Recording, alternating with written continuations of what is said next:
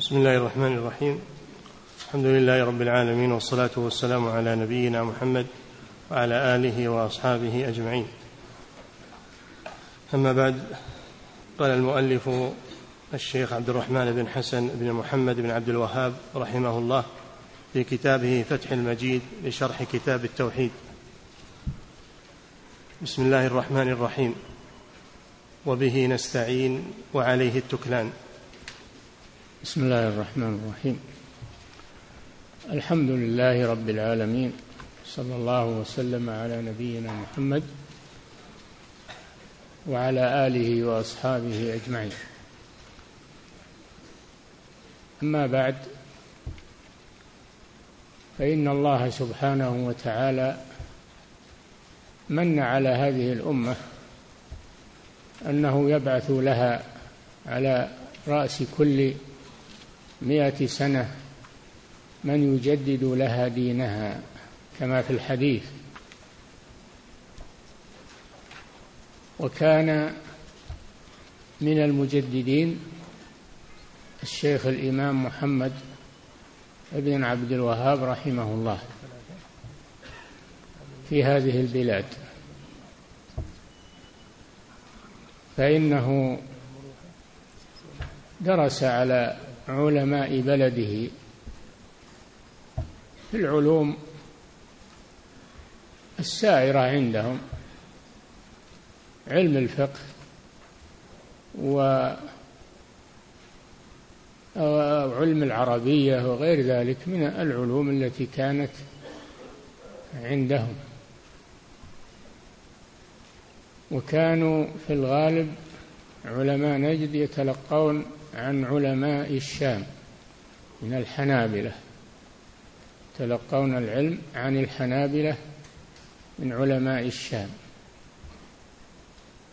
ولكنهم كسائر أهل عصرهم. العقيدة عندهم لا يهتمون بها على ما سرى إليها من خرافات ومن شركيات ومن عقيدة الأشاعرة. وهذا أسهل شيء عقيدة الأشاعرة لكن هناك عقائد المعتزلة والجهمية و لكن كانت السائدة عقيدة الأشاعرة. فكان علماء نجد لا يخرجون عن هذا الخط. عنايتهم بالفقه. الفقه نعم فيهم فقهاء متبحرون.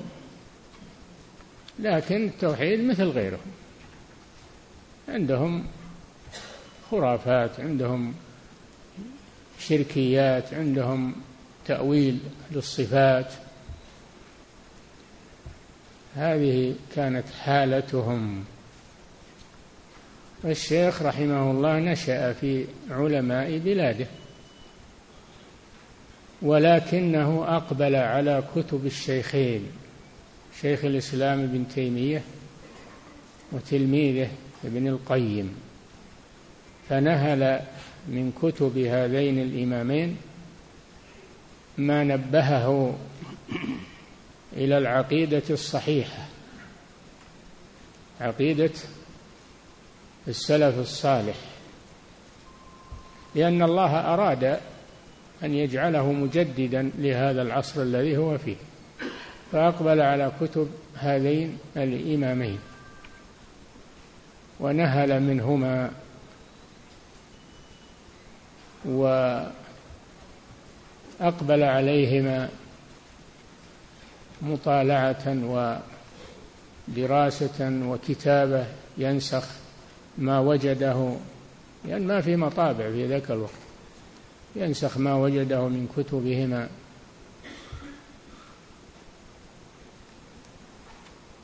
فتبين له ما عليه أهل بلده وما عليه العالم الإسلامي في وقته. لأن العناية بالفقه أو قد يكون أيضا في علم الحديث والتفسير ولكن العقيدة عندهم فيها ما فيها من الدخيل الذي توارثوه عن مشايخهم وعن ولكن هذا الشاب أقبل على كتب الشيخين. الإمام ابن تيمية والإمام ابن القيم. والأصل في الحقيقة هو شيخ الإسلام ابن تيمية. ابن القيم تلميذ له.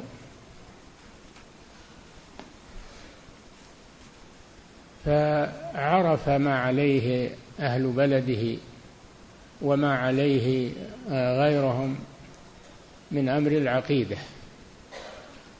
وما فيها من شوائب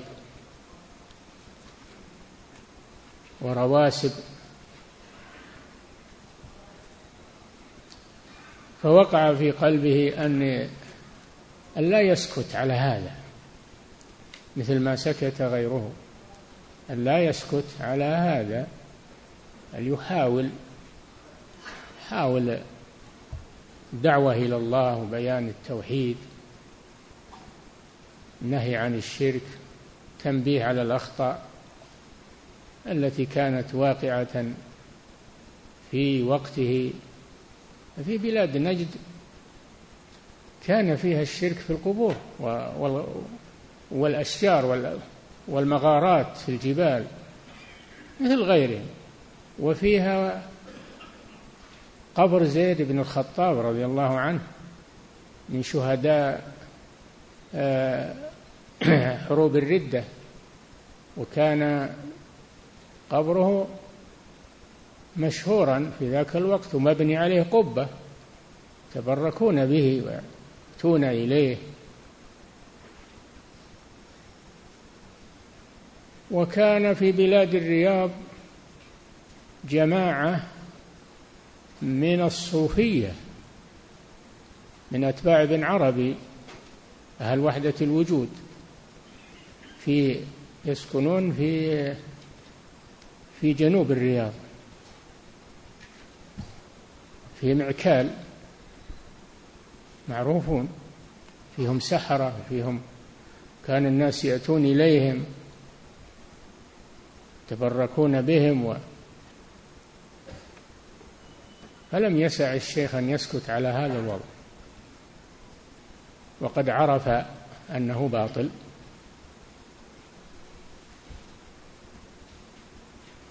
فتجول في البلاد في في الحرمين الشريفين والتقى بالعلماء وأخذ عنهم علم الحديث وأخذ عنهم ما تيسر من العلوم. ذهب إلى الأحساء.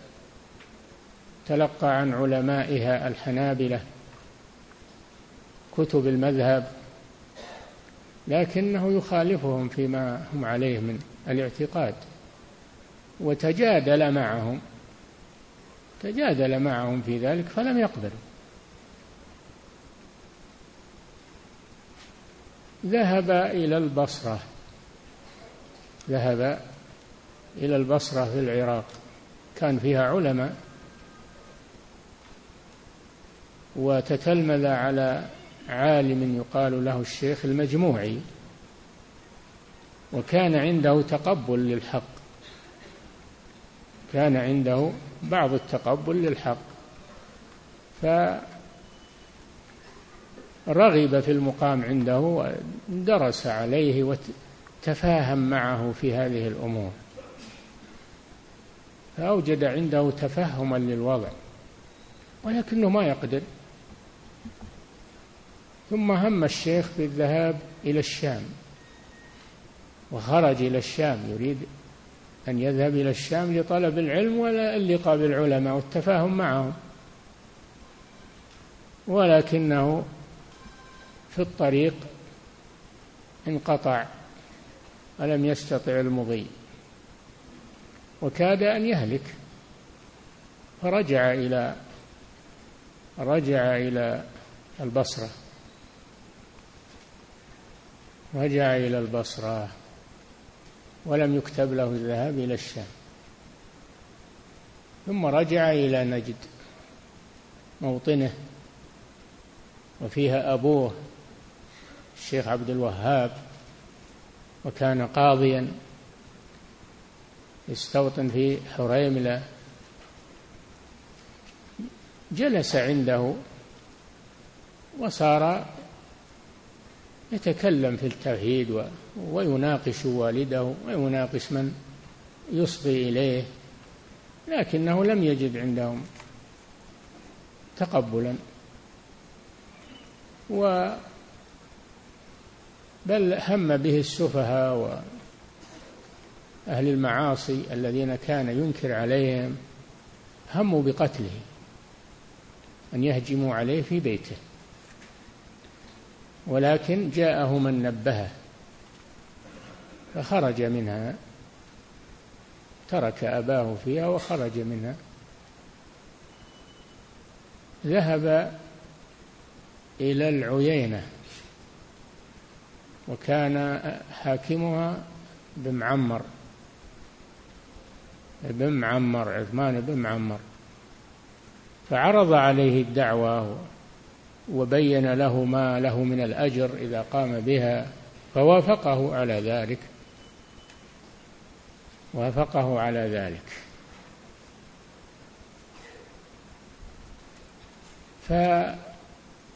فأراد أن يهدم قبة زيد بن الخطاب. عرض على الأمير هذه الفكرة فوافقه على ذلك وخرج لهدمها. فالأمير قال أنا لا أهدمها بيدي. قال الشيخ أنا أهدمها. فأخذ الفأس وهدم القبة. هدم القبة. هذا أول عمل قام به. طارت الأخبار إلى حاكم الأحساء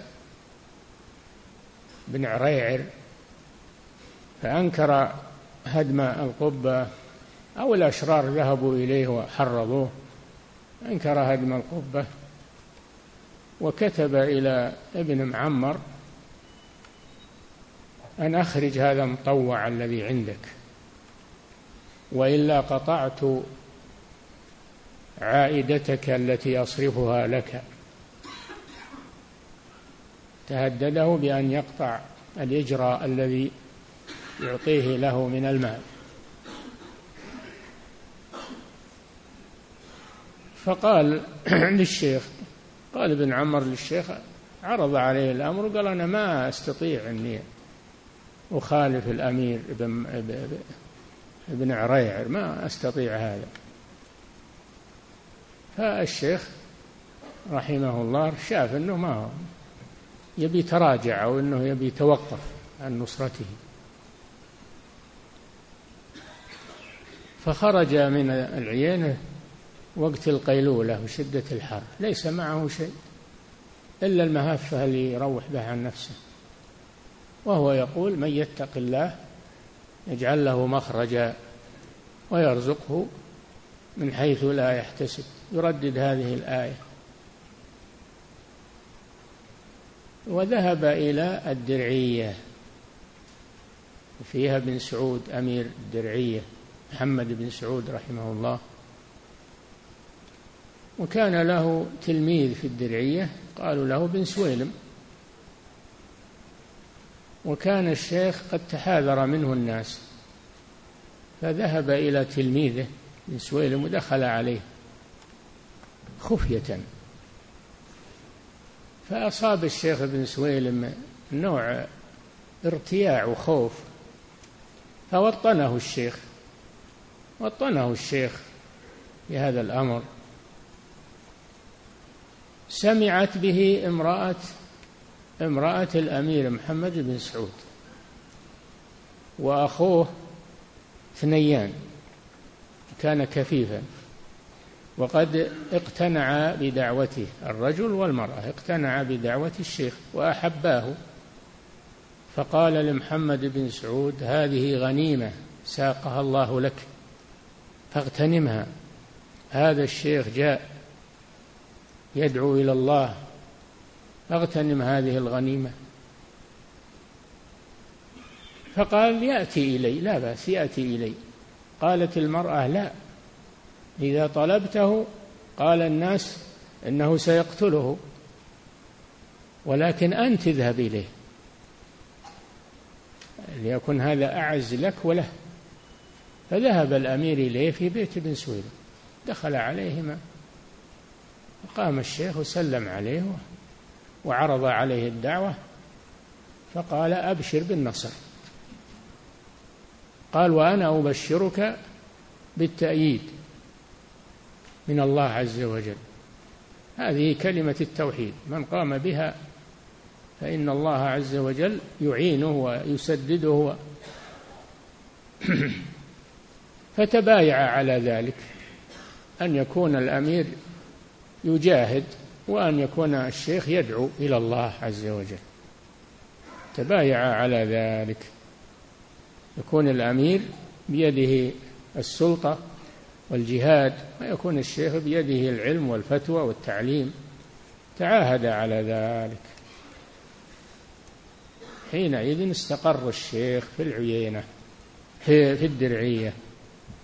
توافد عليه طلبة العلم من كل صوب ازدهرت الدرعية في طلبة العلم والوافدين إليها وكان هذا أول نصر وأول تأييد. الشيخ في أثناء رحلته إلى العراق إلى إلى البصرة وجلوسه عند شيخه المجموعي ألف كتاب التوحيد الذي هو حق الله على العبيد. ألفه من كلام الله وكلام رسوله وكلام السلف الصالح. هذا الكتاب الذي بين أيديكم في توحيد الألوهية وبيان ما ينافيه من الشرك أو ينقصه من الشرك ما ينافيه من الشرك الأكبر أو ينقصه من الشرك الأصغر أو ينافي كماله الواجب. من البدع و ألف هذا الكتاب. وصار جاء به وصار يدرسه للطلاب الدرعية. انتشر الكتاب وانتفع به الناس وقامت دولة التوحيد من ذاك الوقت على يد الإمامين الإمام محمد بن سعود والإمام الشيخ محمد بن عبد الوهاب. رحمهما الله. كان ابن سعود لا يحكم إلا الدرعية فقط. ما عنده مملكة إلا الدرعية. فلما قام بهذه الدعوة أدخل الله بلاد نجد كلها تحت حكمه. فصار حاكما على كل بلاد نجد. بدل أن كان حاكما على قرية الدرعية فقط. هذه نتائج القيام لله عز وجل. عند ذلك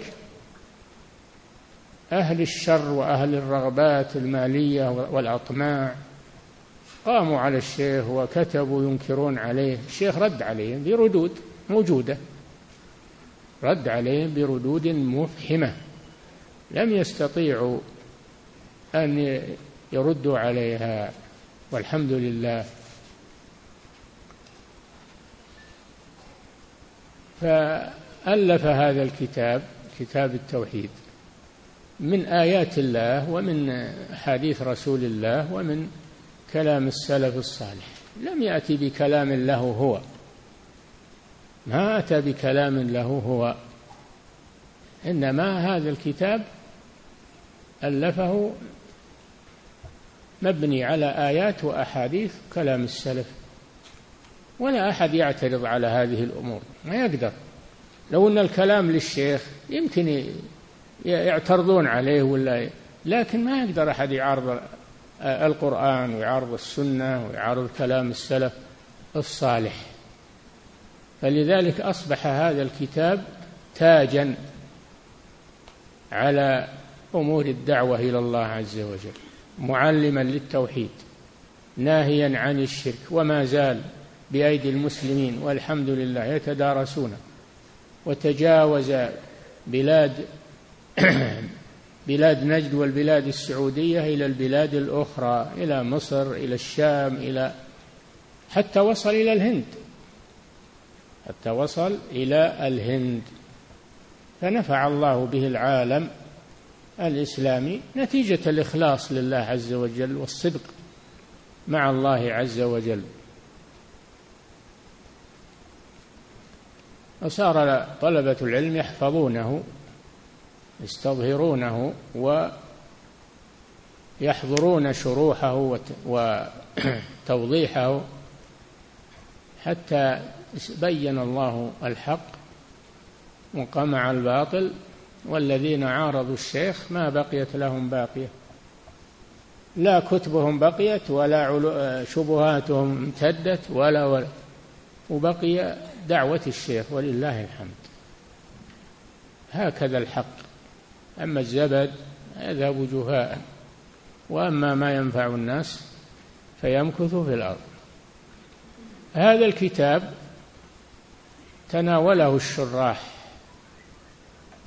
بالشروح والتوضيح وأول من شرحه حفيد الشيخ الشيخ سليمان الشاب الشيخ الشاب سليمان بن عبد الله بن محمد بن عبد الوهاب.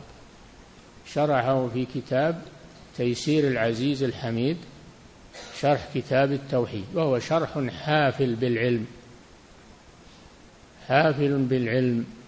في العقيدة وعلم الحديث وأقوال السلف.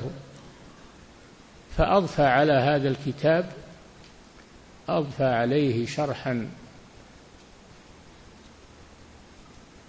ممتازا حافلا لكنه لم يكمله لأنه قتل رحمه الله قبل أن يكمله. قتله الخبيث إبراهيم باشا. لما غزا الدرعية وانتهى القتال وتعاهد مع الإمام عبد الله بن سعود على أن الإمام يسلم نفسه ويذهب إلى إلى إلى إسطنبول إلى السلطان في وقته سلطان الترك. وعلى أنه لا يتعرض لأهل الدرعية. يوقف القتال. فسلم الأمير آه الإمام نفسه عملا بالعهد الذي بينهما ونقله إلى إسطنبول. ونقلوا العلماء إلى مصر. نقلوا العلماء إلى مصر علماء الدرعية. فخان الخبيث خان العهد وهدم الدرعية على من فيها وشرد أهلها.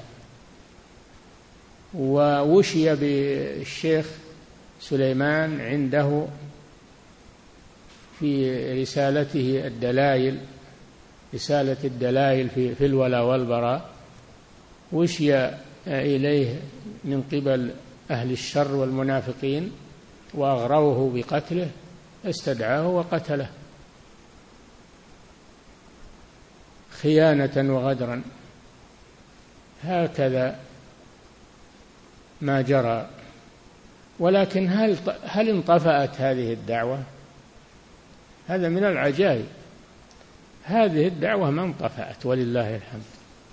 نعم أهلها أصيبوا ونرجو الله أن يجعل ذلك في ميزان حسناتهم وجهادهم في سبيل الله ولكن الدعوة ما تأثرت ولا تضعضعت. بل الذين ذهبوا إلى مصر من من العلماء أثروا في علماء مصر وعلماء الأزهر تأثروا بهم وانتفعوا بهم. الحمد لله.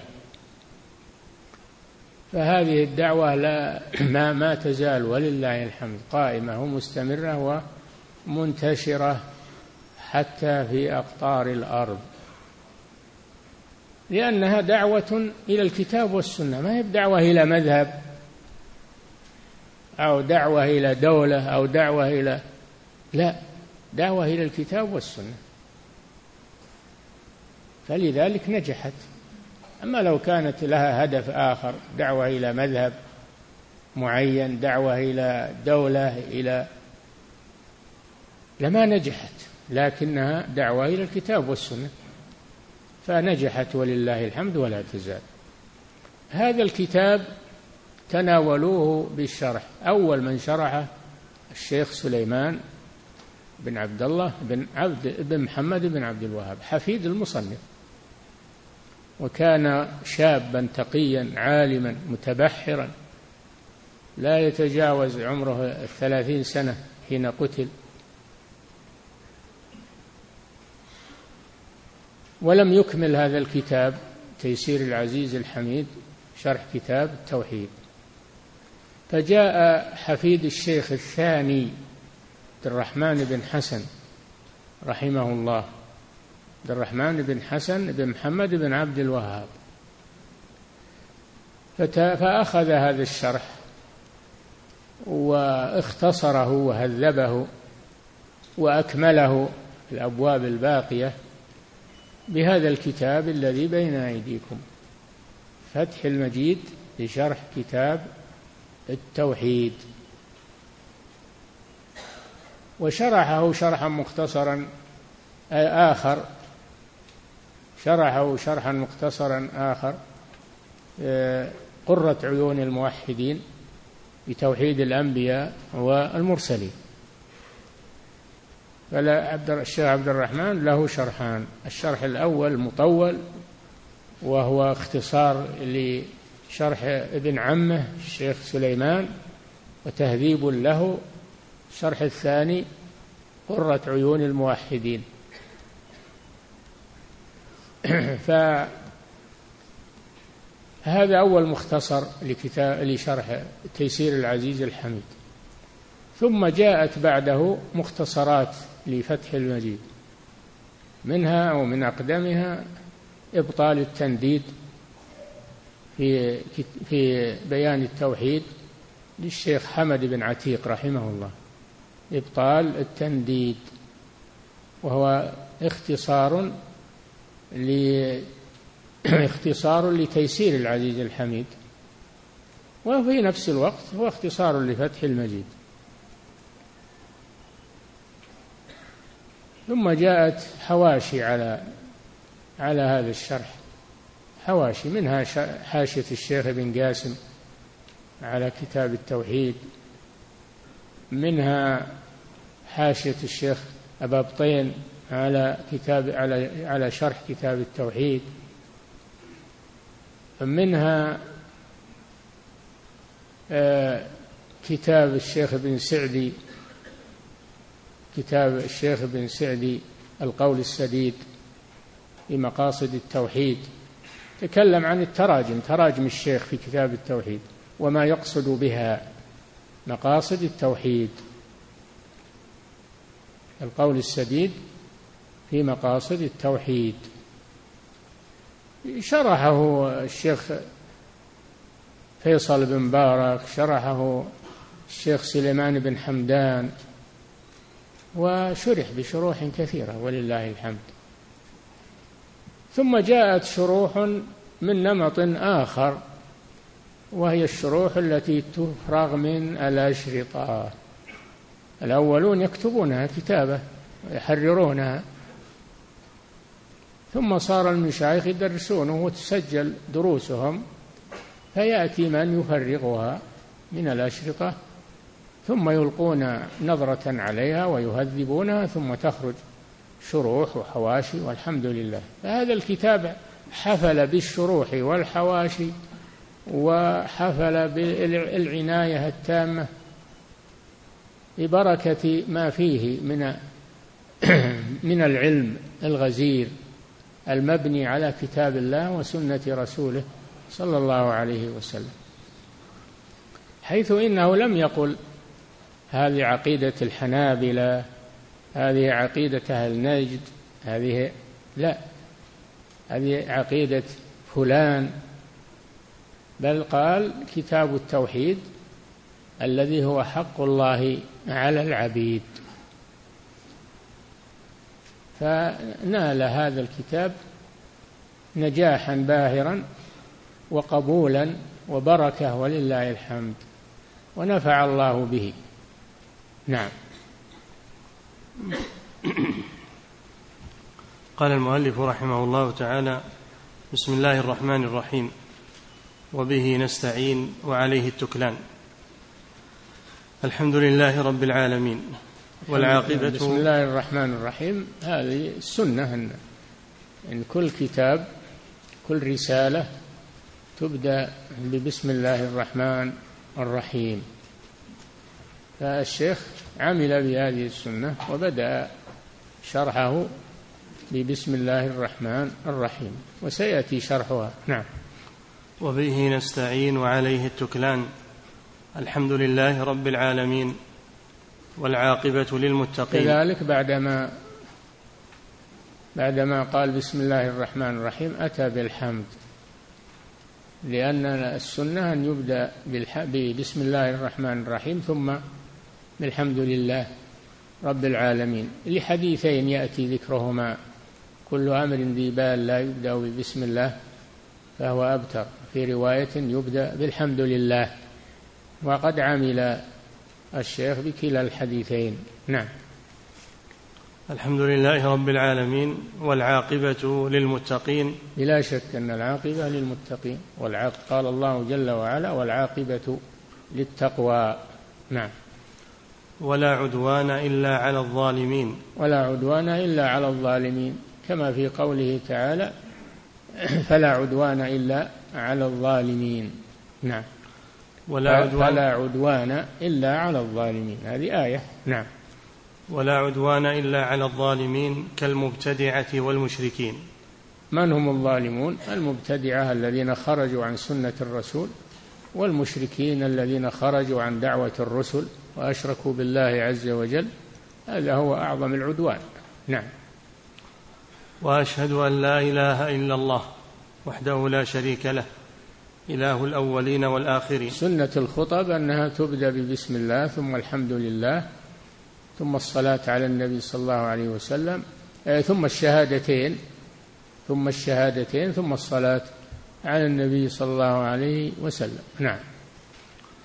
وأشهد أن لا إله إلا الله وحده لا شريك له إله الأولين والآخرين. أشهد أن لا إله إلا الله أي أشهد وأعترف وأقر وأعتقد أقر وأعترف وأعتقد أنه لا يستحق العبادة إلا الله سبحانه وتعالى.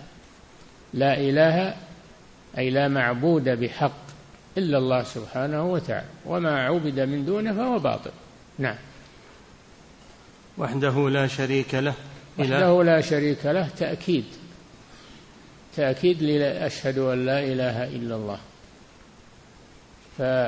فوحده توكيد للإثبات إلا الله.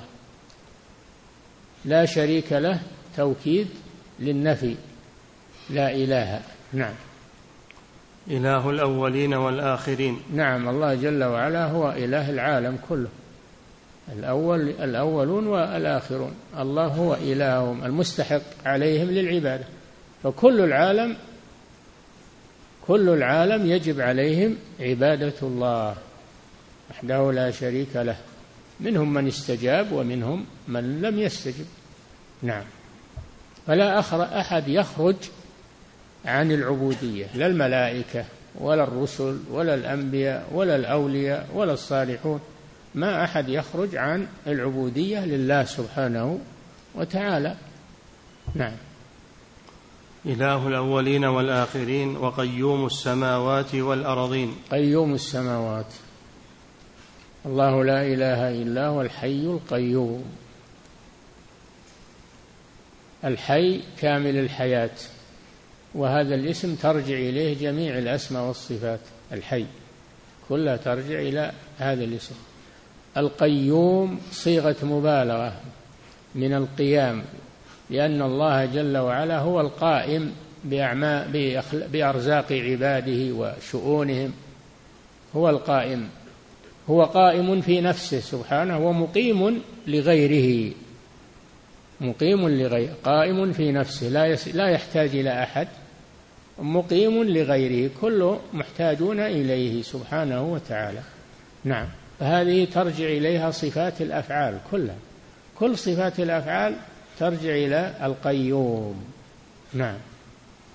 وقيوم السماوات والأرضين يعني قامت به السماوات والأراضين إن الله يمسك السماوات والأرض أن تزولا ولئن زالتا إن أمسكهما من أحد من بعد. إن أمسكهما يعني لا أحد يمسكهما لأن إن نافية إن نافية يعني ما أحد يمسكهما من بعده سبحانه وتعالى. نعم. وأشهد أن محمدا عبده ورسوله. بعدما أتى بالشهادة أن لا إله إلا الله أتى بشهادة أن محمدا رسول الله. لأن شهادة أن محمدا رسول الله تابعة لشهادة أن لا إله إلا الله. فمن شهد أن لا إله إلا الله ولم يشهد أن محمدا رسول الله فهو كافر. لا بد أن يشهد أن محمدا رسول الله فيؤمن برسالته. نعم.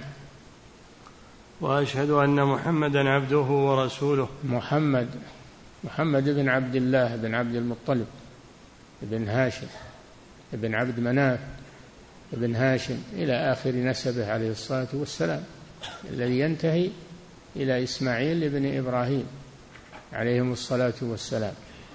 اسمه محمد واسمه أحمد وله أسماء كثيرة تدل على شرفه عليه الصلاة والسلام وهي ما اللي يطلع عليها في جلاء الأفهام للإمام ابن القيم.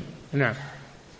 وأشهد أن محمدا عبده ورسوله وخيرته من عبده ورسوله. عبده رد للغلو في حقه. اللي يرفعونه يقول له شيء من الألوهية والتدبير في الكون وأنه يعطي ويمنع وأنه, وأنه هذا غلو. هو عبد عليه الصلاة والسلام. إنما يقول صلى الله عليه وسلم إنما أنا عبد فقولوا عبد الله ورسوله فهو عبد لله وهذا شرف له. عبودية الله شرف للعبد فهو عبد هذا رد للغلو في حقه صلى الله عليه وسلم. ورسوله هذا رد للجفا في حقه صلى الله عليه وسلم الذين يحتقرونه ويكذبونه. ويستهزئون به وهو رسول رسول الله. وهل يليق برسول الله أن يتنقص أن يسخر منه أن يستهزأ به أن يكذب؟ فهذا فهذا رد للجفا في حقه صلى الله عليه وسلم. نعم. فأن تقر أنه عبد الله ردا للغلو. ورسوله رد للجفا في حقه صلى الله عليه وسلم. فقولوا عبد الله ورسوله. نعم. وخيرته من خلقه أجمعين. نعم لا شك أن الله اختار محمد صلى الله عليه وسلم من الخلق أجمعين وأرسله للعالمين الجن والإنس والثقلين. رسالته عامة. لا بد أن يشهد المسلم بهذا. من شهد أنه رسول الله وقال إلى العرب فقط فإنه كافر. لا بد أن يقر بأنه رسول الله إلى الجن والإنس والثقلين والعرب والعجم رسالته عامة صلى الله عليه وسلم. قال صلى الله عليه وسلم آه، وكان النبي يبعث إلى قومه خاصة وبعثت إلى الناس كافة. وفي القرآن وما أرسلناك إلا كافة للناس بشيرا ونذيرا. قل يا أيها الناس إني رسول الله إليكم جميعا الذي له ملك السماوات والأرض. فرسالته عامة. ما يكفي إنك تشهد أنه رسول الله وتقول ما هي بعامة رسالة بس للعرب. هذا لا يدخلك في الإسلام. نعم. اللهم صل على محمد وعلى آل محمد. هذا امتثال لقوله جل وعلا إن الله وملائكته يصلون على النبي. يا أيها الذين آمنوا صلوا عليه وسلموا تسليما. وهذا من حقوقه صلى الله عليه وسلم علينا من حقوقه أن نحبه أكثر مما نحب أنفسنا ووالدينا وأولادنا والناس أجمعين. من حقوقه علينا اتباعه صلى الله عليه وسلم. من حقوقه علينا الصلاة والسلام عليه لأن الله أمرنا بذلك. فقال سبحانه إن الله وملائكته يصلون على النبي يا أيها الذين آمنوا صلوا عليه وسلموا تسليما. هذا من حقوقه صلى الله عليه وسلم. نعم. اللهم صل على محمد وعلى آل محمد وأصحابه ومن تبعهم بإحسان. نعم. والصلاة من الله ثناؤه على عبده والصلاة من الملائكة الاستغفار. والصلاة من الآدميين الدعاء. صل عليهم أي يدعو لهم. نعم. اللهم صل على محمد وعلى آل محمد وأصحابه. وعلى آل محمد يعني قرابة محمد صلى الله عليه وسلم. أهل بيته. قرابته وأهل بيته. هم آله. وأصحابه. أصحاب الرسول صلى الله عليه وسلم. القرن الأول الذين بعث فيهم الرسول ورأوه وآمنوا به وجاهدوا معه ونصروه هؤلاء هم الصحابة.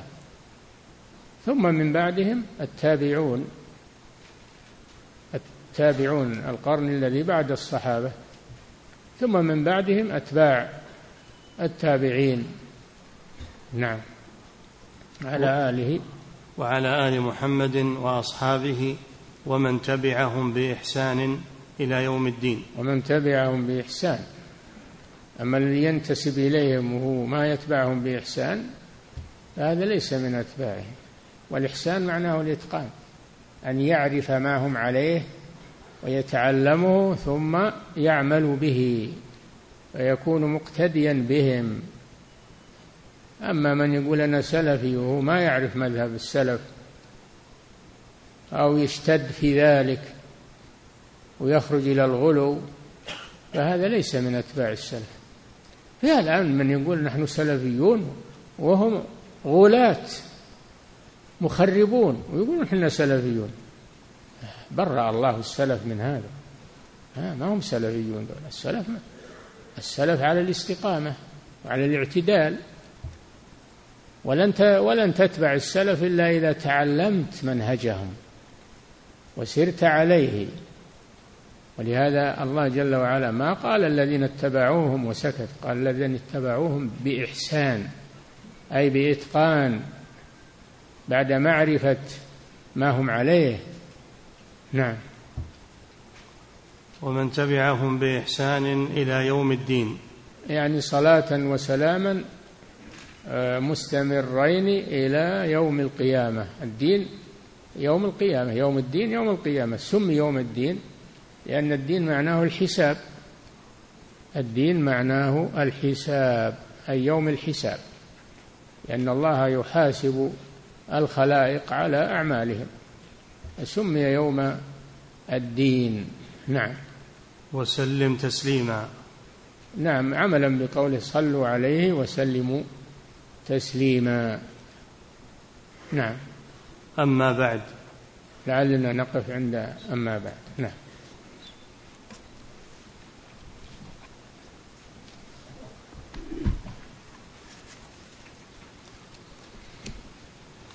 فضيلة الشيخ وفقكم الله.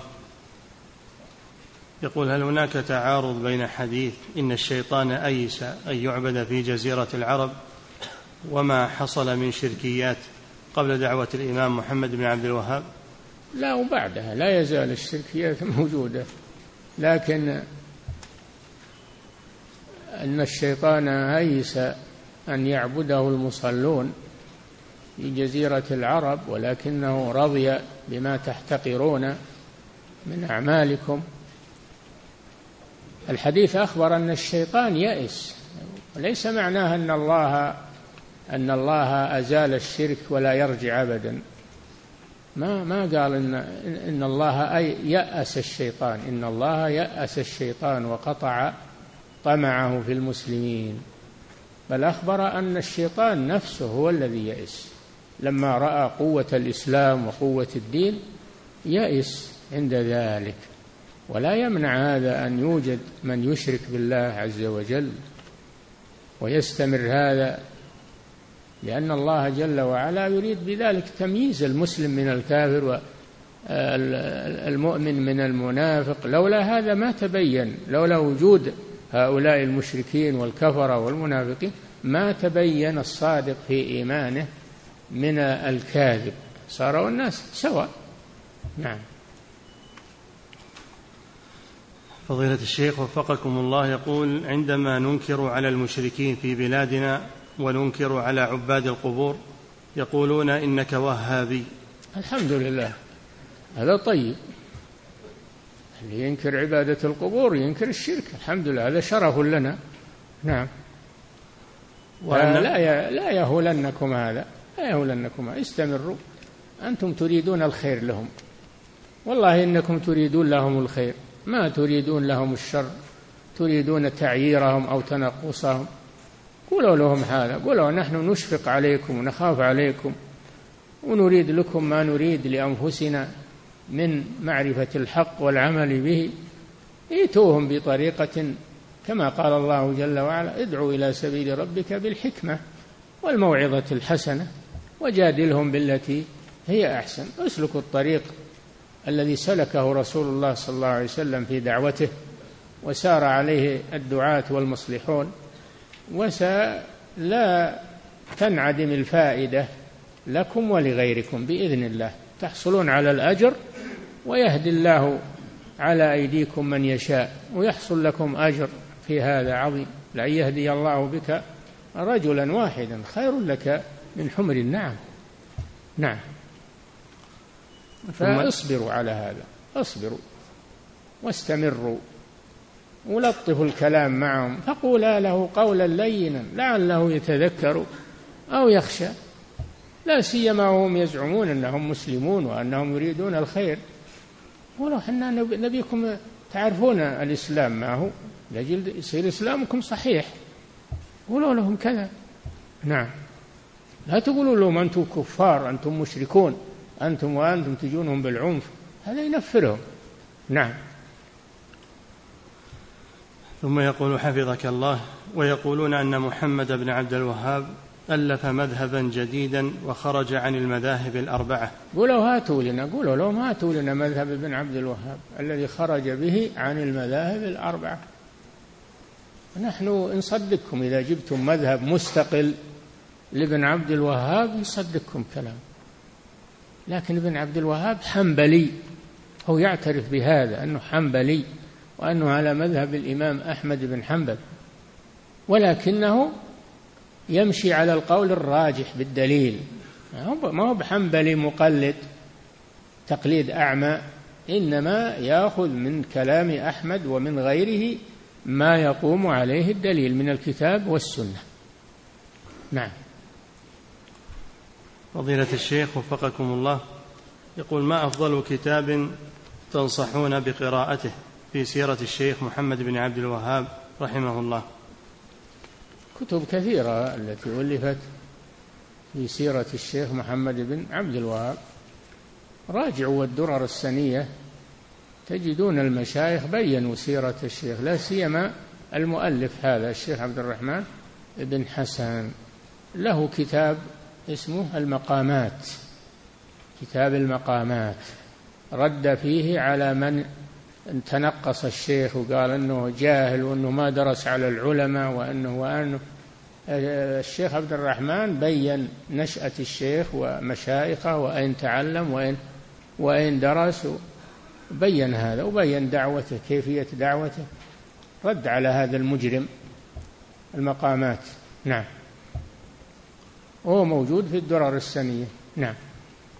فضيلة الشيخ وفقكم الله يقول هناك من يطعن في دعوة الشيخ الإمام محمد بن عبد الوهاب رحمه الله ويقول نحن لسنا بحاجة إلى هذه الدعوة في الوقت المعاصر. الحمد لله لا صرتم أنتم بحاجة مغنيكم الله وعارفين الحق ومستقيمين عليه هذا هو المطلوب مطلوب الشيخ هذا. لكن إذا كنتم ما عندكم آه، يعني معرفة ولا عندكم بس مجرد انتساب يجب عليكم معرفة الحق من الشيخ ومن غيره. ما نقول لكم اتبعوا الشيخ نقول اتبعوا الحق. اتبعوا الحق. نعم. فضيلة الشيخ وفقكم الله يقول ما أفضل كتاب يشرح كتاب التوحيد ويناسب المبتدئين في الطلب؟ مختصرات شروح المختصرة مثل إبطال التنديد مثل حاشية ابن قاسم مثل هذه مختصرة ومفيدة. وتبين مقاصد كتاب التوحيد. نعم. فضيلة الشيخ وفقكم الله يقول هل كانت كتابة الشيخ الإمام محمد بن عبد الوهاب رحمه الله كتابته للمسائل على كتاب التوحيد هل كانت في فترة متأخرة عن كتابة هذا الكتاب؟ ما لا ما هي متأخرة. إذا كتب الكتاب يستخرج ما فيه من الفقه. هذه فقه الباب. المسائل هذه فقه الباب. فإذا كتب الباب استخرج ما في النصوص الواردة فيه من المسائل في العقيدة وفي الفقه. نعم. فضيلة الشيخ وفقكم الله يقول هل صحيح أن الإمام إسماعيل الصنعاني رحمه الله محمد محمد بن إسماعيل. نعم. أن الإمام محمد بن إسماعيل الصنعاني قد ذم الشيخ محمد بن عبد الوهاب بعد أن أثنى عليه هو كما شرحت لكم في آه، في تطهير الاعتقاد أن الشيخ الإمام محمد بن, بن إسماعيل الصنعاني رحمه الله قال قصيدة في مدح الشيخ ودعوته. فلما جاءت القصيدة شرق بها أعداء الشيخ في بلاد نجد وأرسلوا اثنين أرسلوا اثنين إلى اليمن. أحد قال له مربد الثاني قال له عبد الرحمن النجدي. ولم يلقوا لم يلقوا الشيخ محمد بن إسماعيل إنما وجدوا اناسا من أهل صنعاء ممن عندهم شركيات. فقالوا لهم إن إن ابن عبد الوهاب هذه نصرته وأيدته ونريد شيء ينقضها. فقام واحد من الأشقياء وقال قصيدة تحاكي تحاكي قصيدة الإمام الصنعاني في وزنها ورويها. يقول رجعت عن الذي قلت في النجد فقد صح لي عنه خلاف الذي عندي إلى آخرها. ما قال هذا الإمام الصنعاني؟ إنما هذا مفترا عليه قصيدة ملبسة عليه من الأشرار استجابة لهذين الشقيين اللذين ذهب من الحسد إليهم وطلبوا منهم انتحال هذه القصيدة الظالمة. نعم. وقد رد عليها الشيخ بن سحمان في كتاب اسمه تبرئة الشيخين الإمامين. كتاب جيد. رد عليها نثرا ونظما. نعم. فضيلة الشيخ وفقكم الله. يقول هل صحيح ما يذكر أن أخ الشيخ سليمان بن عبد الوهاب ألف كتابا في الرد على أخيه؟ موجود كتاب الآن في الرد عليه. موجود. الصواعق الإلهية في الرد على الوهابية. الله أعلم هل هو صحيح أنه بالنسبة له صحيح أو أنه مفترى. وكان سليمان في الأول على غير وفاق. مع الشيخ لكنه في النهاية تاب إلى الله وتوبته موجودة موجودة في الدرر السنية أيضا نعم فضيلة الشيخ وفقكم الله حتى لو فرضنا لو فرضنا أن أن سليمان مخالف واستمر على الخلاف هل يضر هذا الشيخ؟ إبراهيم الخليل أليس أبوه خالفه؟ ها؟ نوح عليه السلام أليس ابنه خالفه؟ هذا ما يضر ترى نعم. هذا لو فرضنا أن سليمان استمر على عناده. نعم. فضيلة الشيخ وفقكم الله يقول هل من نصيحة لطلبة العلم بمواصلة هذه الدعوة المباركة الدعوة إلى التوحيد حيث نلاحظ يقول هل من نصيحة لطلبة العلم بمواصلة هذه الدعوة المباركة وهي الدعوة إلى التوحيد حيث يلاحظ في هذا الزمن كثرة الفتن وغربة التوحيد وأهله وقلة من يهتم به ويعلمه في خارج هذه البلاد. بلا شك أن الحاجة ماسة في هذا الوقت بالذات لكثرة الشرور ولأن الأعدى من الكفار من اليهود والنصارى والمجوس وغيرهم ينفخون في العداوة للشيخ محمد بن عبد الوهاب ويحرضون آه، الأشقياء ضد دعوته ولكن هذا ما يضره ولا يضر الدعوة إنما يضرون أنفسهم. لكن أنتم جزاكم الله خيرا بما أنكم فهمتم الوضع وتيقنتم من هذا ولله الحمد فعليكم أن تقوموا بما تستطيعون من دعوة الناس بالحكمة والموعظة الحسنة والجدال التي هي أحسن وأن تأخذوا رسائل الشيخ تنشرونها أو تترجمونها إلى لغاتهم ليعرفوا ما عليه الشيخ لأن أكثرهم مغرر بهم ما يدرون عن الشيخ. عندهم مصور لهم أن الشيخ أنه مثل فرعون وأنه ما يدرون يصدقونها إذا قيل لهم كذا يصدقون. لكن إذا جبتم من كلام الشيخ ورسائله ودعوته فإنه يتبين الحق ولله الحمد. نعم. فضيلة الشيخ وفقكم الله. يقول طبع مؤخرا كتاب اسمه فتح الحميد بشرح كتاب التوحيد لأحد أحفاد الشيخ محمد بن عبد الوهاب وذكر المحقق بأن فيه أخطاء عقدية فهل ما ذكره صحيح؟ وهل ينصح بقراءته؟ والله ما اطلعت عليه أنا. أنا لم أطلع على هذا الكتاب. نعم.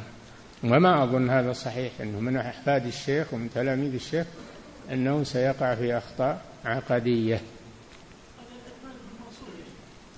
هذا معروف عثمان بن منصور خصما للشيخ. وقلت لكم كتاب المقامات رد عليه. نعم. واللي طبعه هذا مخطئ. ليش يطبعه؟ نعم. فضيلة الشيخ وفقكم الله يقول هل صحيح أن الصلاة خاصة بالأنبياء؟ فنقول لا, لا. يجوز أن تصلي على غير الأنبياء من المؤمنين والصالحين.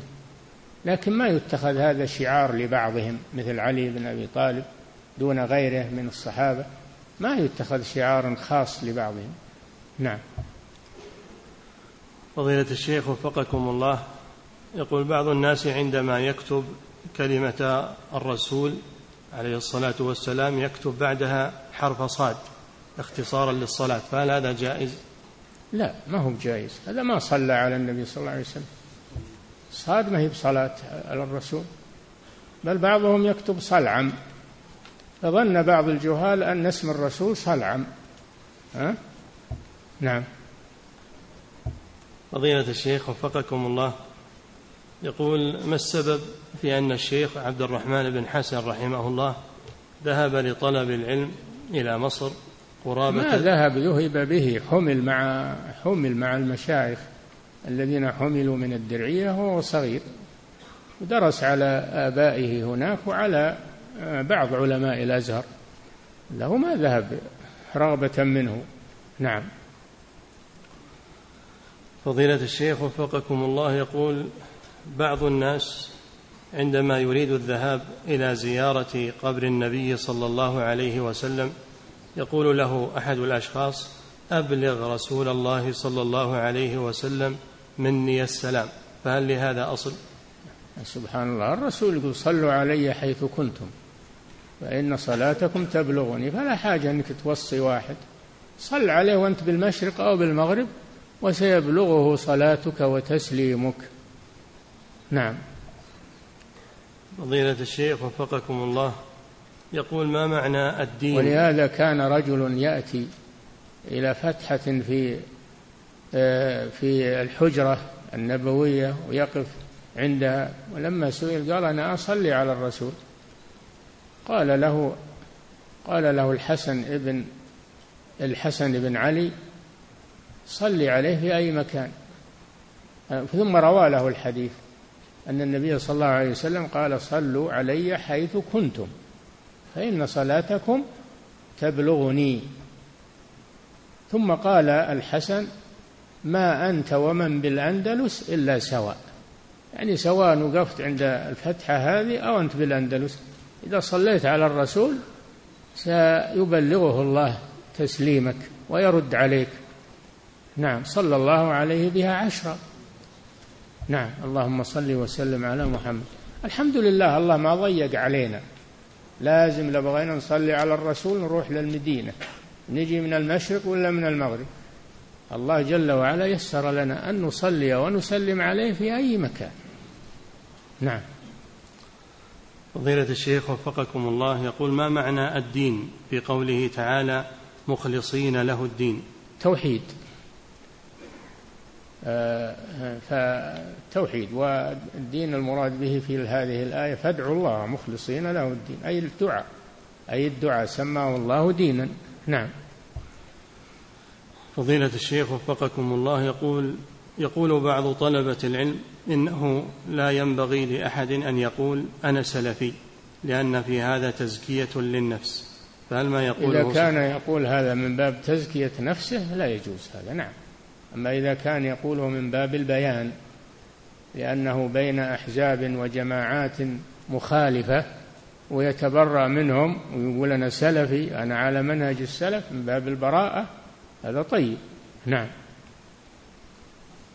فضيلة الشيخ وفقكم الله في قول المؤلف رحمه الله عن النبي صلى الله عليه وسلم وخيرته من خلقه.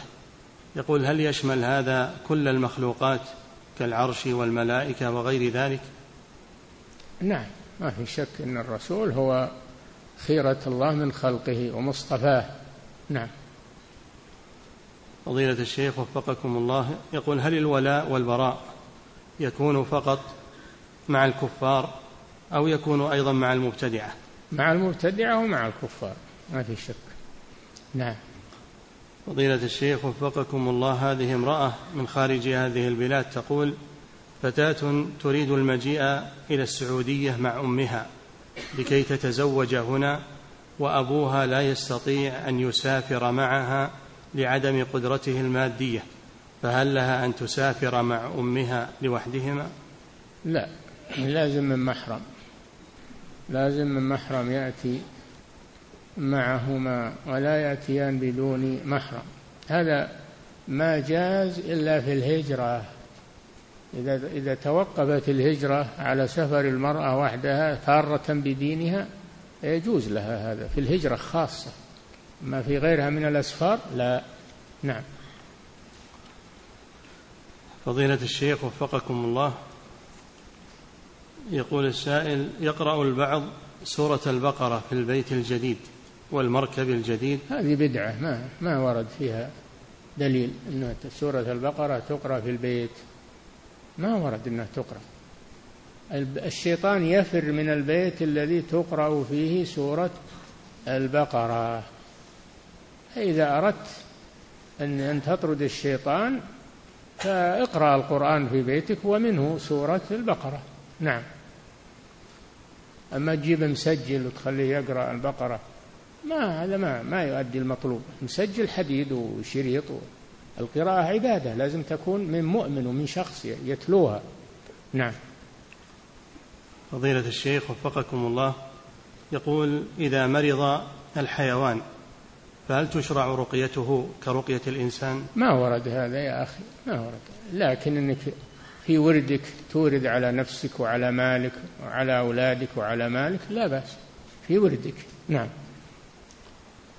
فضيلة الشيخ وفقكم الله هذه هذا سؤال من هولندا امرأة تقول أصيبت بالسحر ولا تستطيع الصلاة لأن الجن الذي في جسدها يمنعها من أداء الصلاة. تقول ما توجيهكم في ذلك؟ هذا هو سحر ولا جن؟ جمعت بينهم. السحر سحر والجن جن. عليها أن تحاول أن تصلي مهما استطاعت. وإذا لم تستطع فإذا زال عنها واستطاعت تقضي ما عليها. نعم. فضيلة الشيخ وفقكم الله يقول هل يشرع توزيع المياه للشرب في المقابر حيث إن الناس يكونون بحاجة. ما ورد هذا. الناس اللي عطش يطلع الحمد لله البيبان مفتحة والبرادات في المساجد وعلى الطرقات. إذا منه عطش يطلع ويشرب الحمد لله. ولا يجيب معه قارورة مخباته ويشرب. صار أنه ما يستطيع الصبر. أما توزيع المياه هذا يجري إلى توزيع الغداء وتوزيع العشاء وتوزيع الصدق والدراهم عند القبور. ما يفتح يا إخوان هذه الأبواب ما تفتح ولا يتساهل بها لأن الصغير يجب الكبير. نعم.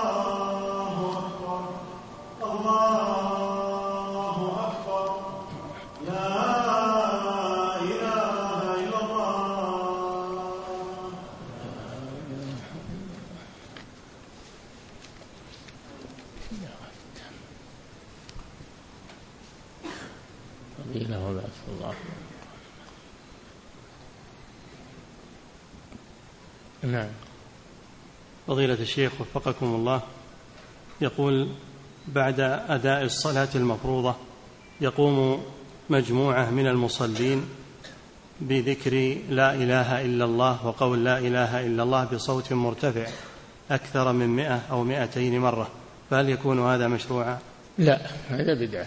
إلا إلا بالتهليلات العشر بعد الفجر وبعد المغرب تهليلات العشر. وما عداها من الصلوات الذكر الوارد. لا إله إلا الله مخلصين له الدين ولو كره الكافرون. لا إله إلا الله وحده لا شريك له. اللهم أعني على ذكرك وشكرك وحسن عبادتك. اللهم لا مانع لما أعطيت ولا معطي لما منعت ولا راد لما قضيت ولا ينفع ذا الجد منك الجد. يرفعون أصواتهم كل على انفراده ما يكون بصوت جماعي. أما مئة أما ألف أما ما, ما هذا بدعة ما ورد. رفع والجماعي الصوت الجماعي هذا المقصود هذا ما ورد. نعم. فضيلة الشيخ وفقكم الله ورد عن النبي صلى الله عليه وسلم أنه قال بين كل آذانين صلاة. يقول هل هذا معناه أن هناك صلاة للأذان؟ وأين تكون؟ هل يشرع أن تكون في المسجد أم في البيت؟ بين كل آذانين يعني بين الأذان والإقامة صلاة نافلة. صلاة نافلة. إن كان الفريضة لها نافلة قبلها مثل الظهر صليها. إن لم يكن لها نافلة تصلي بين الأذان والإقامة نافلة مطلقة ليست راتبة.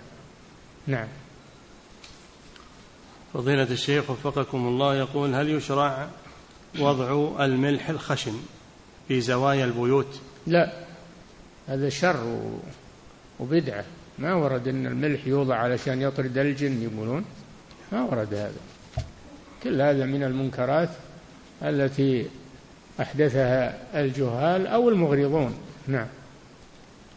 فضيلة الشيخ وفقكم الله يقول هل يجوز أخذ الفقه من الصوفية وعلماء الصوفية؟ ما ما حدك الله عليهم. العلماء السنة كثير ولله الحمد. اطلب العلم على علماء أهل السنة. نعم. ولو ترحل إليهم لو تسافر لهم. ولا هو بلازم أنك تقعد عندهم طول السنة لو شهر لو نصف شهر. نعم. فضيلة الشيخ وفقكم الله. يقول ما حكم الإسبال في الثياب إذا كان ليس تكبرا؟ لا ما يجوز الإسبال. ما نزل عن الكعبين فهو في النار. لا يجوز إنزال الملبوس عن الكعبين.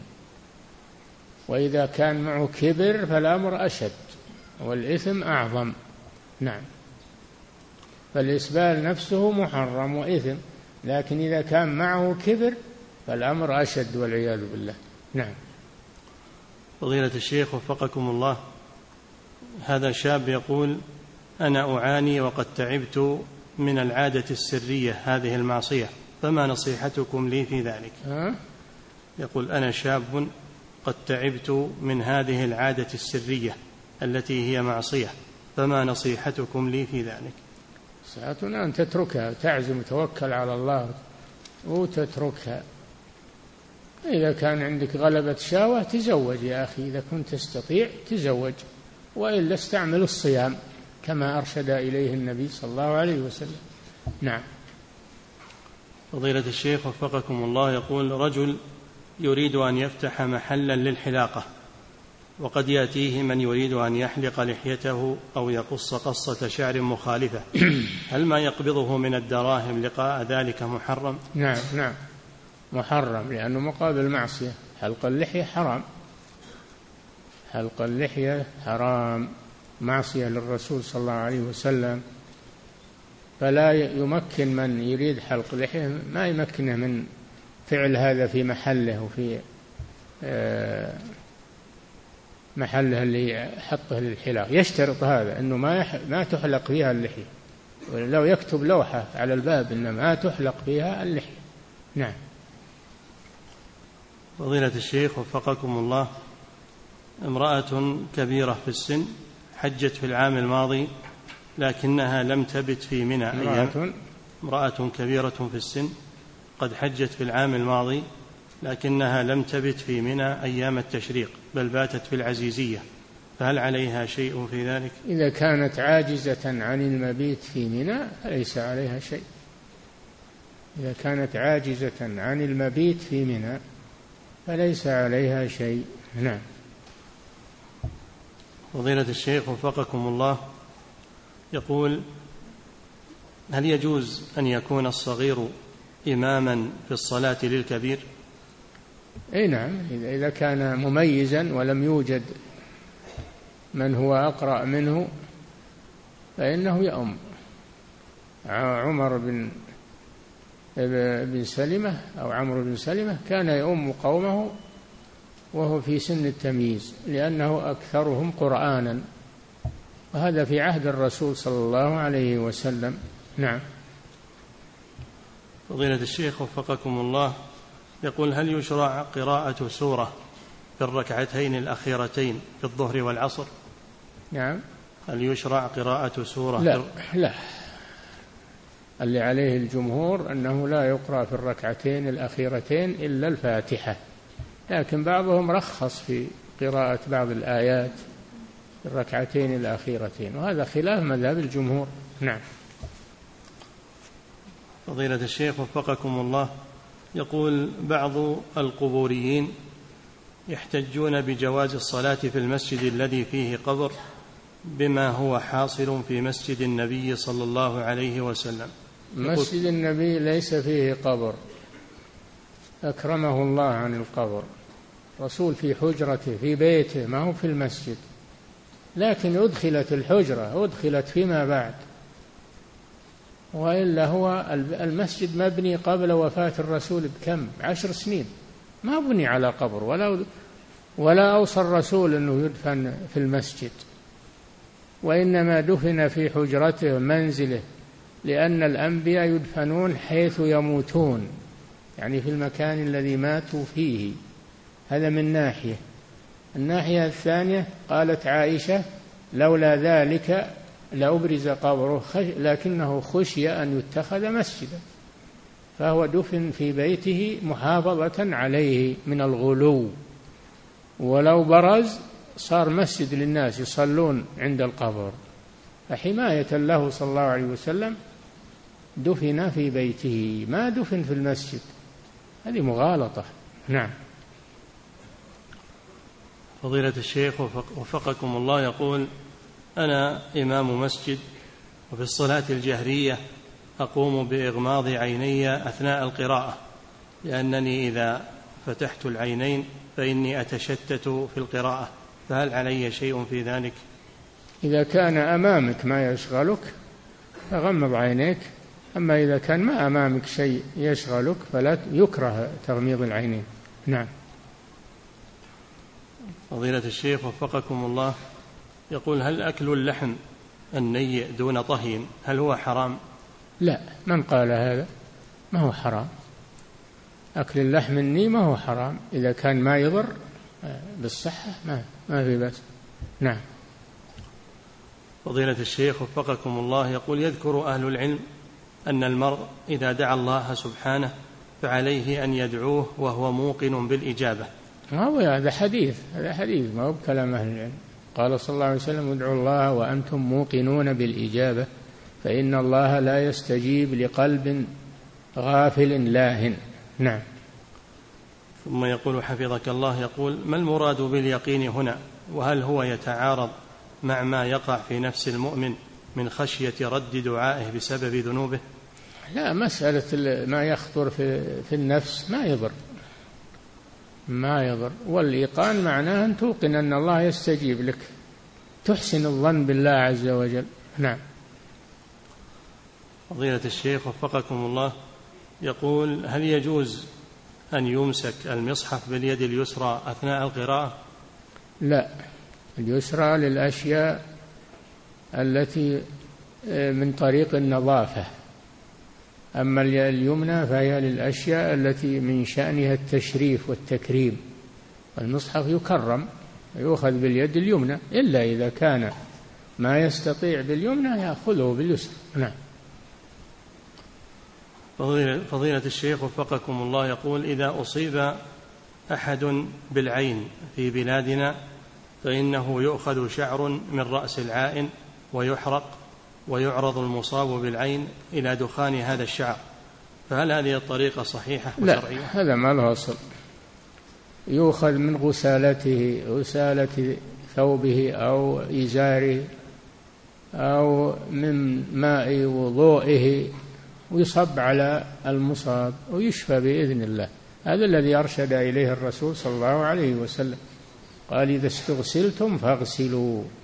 نعم. فضيلة الشيخ وفقكم الله يقول هل يشرع توزيع الكتيبات في المقبرة؟ لا ما يجوز هذا. يعني ما لقيت إلا المقبرة. وزع على الناس في الأسواق في, في المساجد في نعم. فضيلة الشيخ وفقكم الله يقول هل عدم البكاء من خشية الله سبحانه هي دليل على الضعف في التوحيد؟ هل عدم البكاء من خشية الله سبحانه. هي دليل على الضعف في التوحيد؟ لا. دليل على الغفلة أو على قسوة القلب. فعالج نفسك. أما أنها دليل على ضعف التوحيد لا. نعم. يقول ما الوسائل المعينة إلى زيادة الإيمان؟ الأعمال الصالحة. الأعمال الصالحة. كل ما أحببت أن إيمانك يزيد أكثر من الأعمال الصالحة. نعم. فضيلة الشيخ وفقكم الله يقول بعض الدعاة يذهب إلى بلدان إسلامية إما للسياحة أو لغير ذلك ويكون في هذه البلدان أضرحة فلا ينكر عليهم. فما نصيحتكم في ذلك؟ يبين يبين التوحيد ويبين الدعوة ويبين أن هذا لا يجوز يبين للناس هذا. فإن قبلوا الحمد لله وإن لم يقبلوا يكون أدى الذي عليه. أما السفر للسياحة في بلاد الكفار لا يجوز لكن السفر للدعوة نعم. إذا كان قصده الدعوة شيء طيب نعم. انتهى. الله تعالى أعلم وصلى الله وسلم على نبينا محمد وعلى آله وصحبه.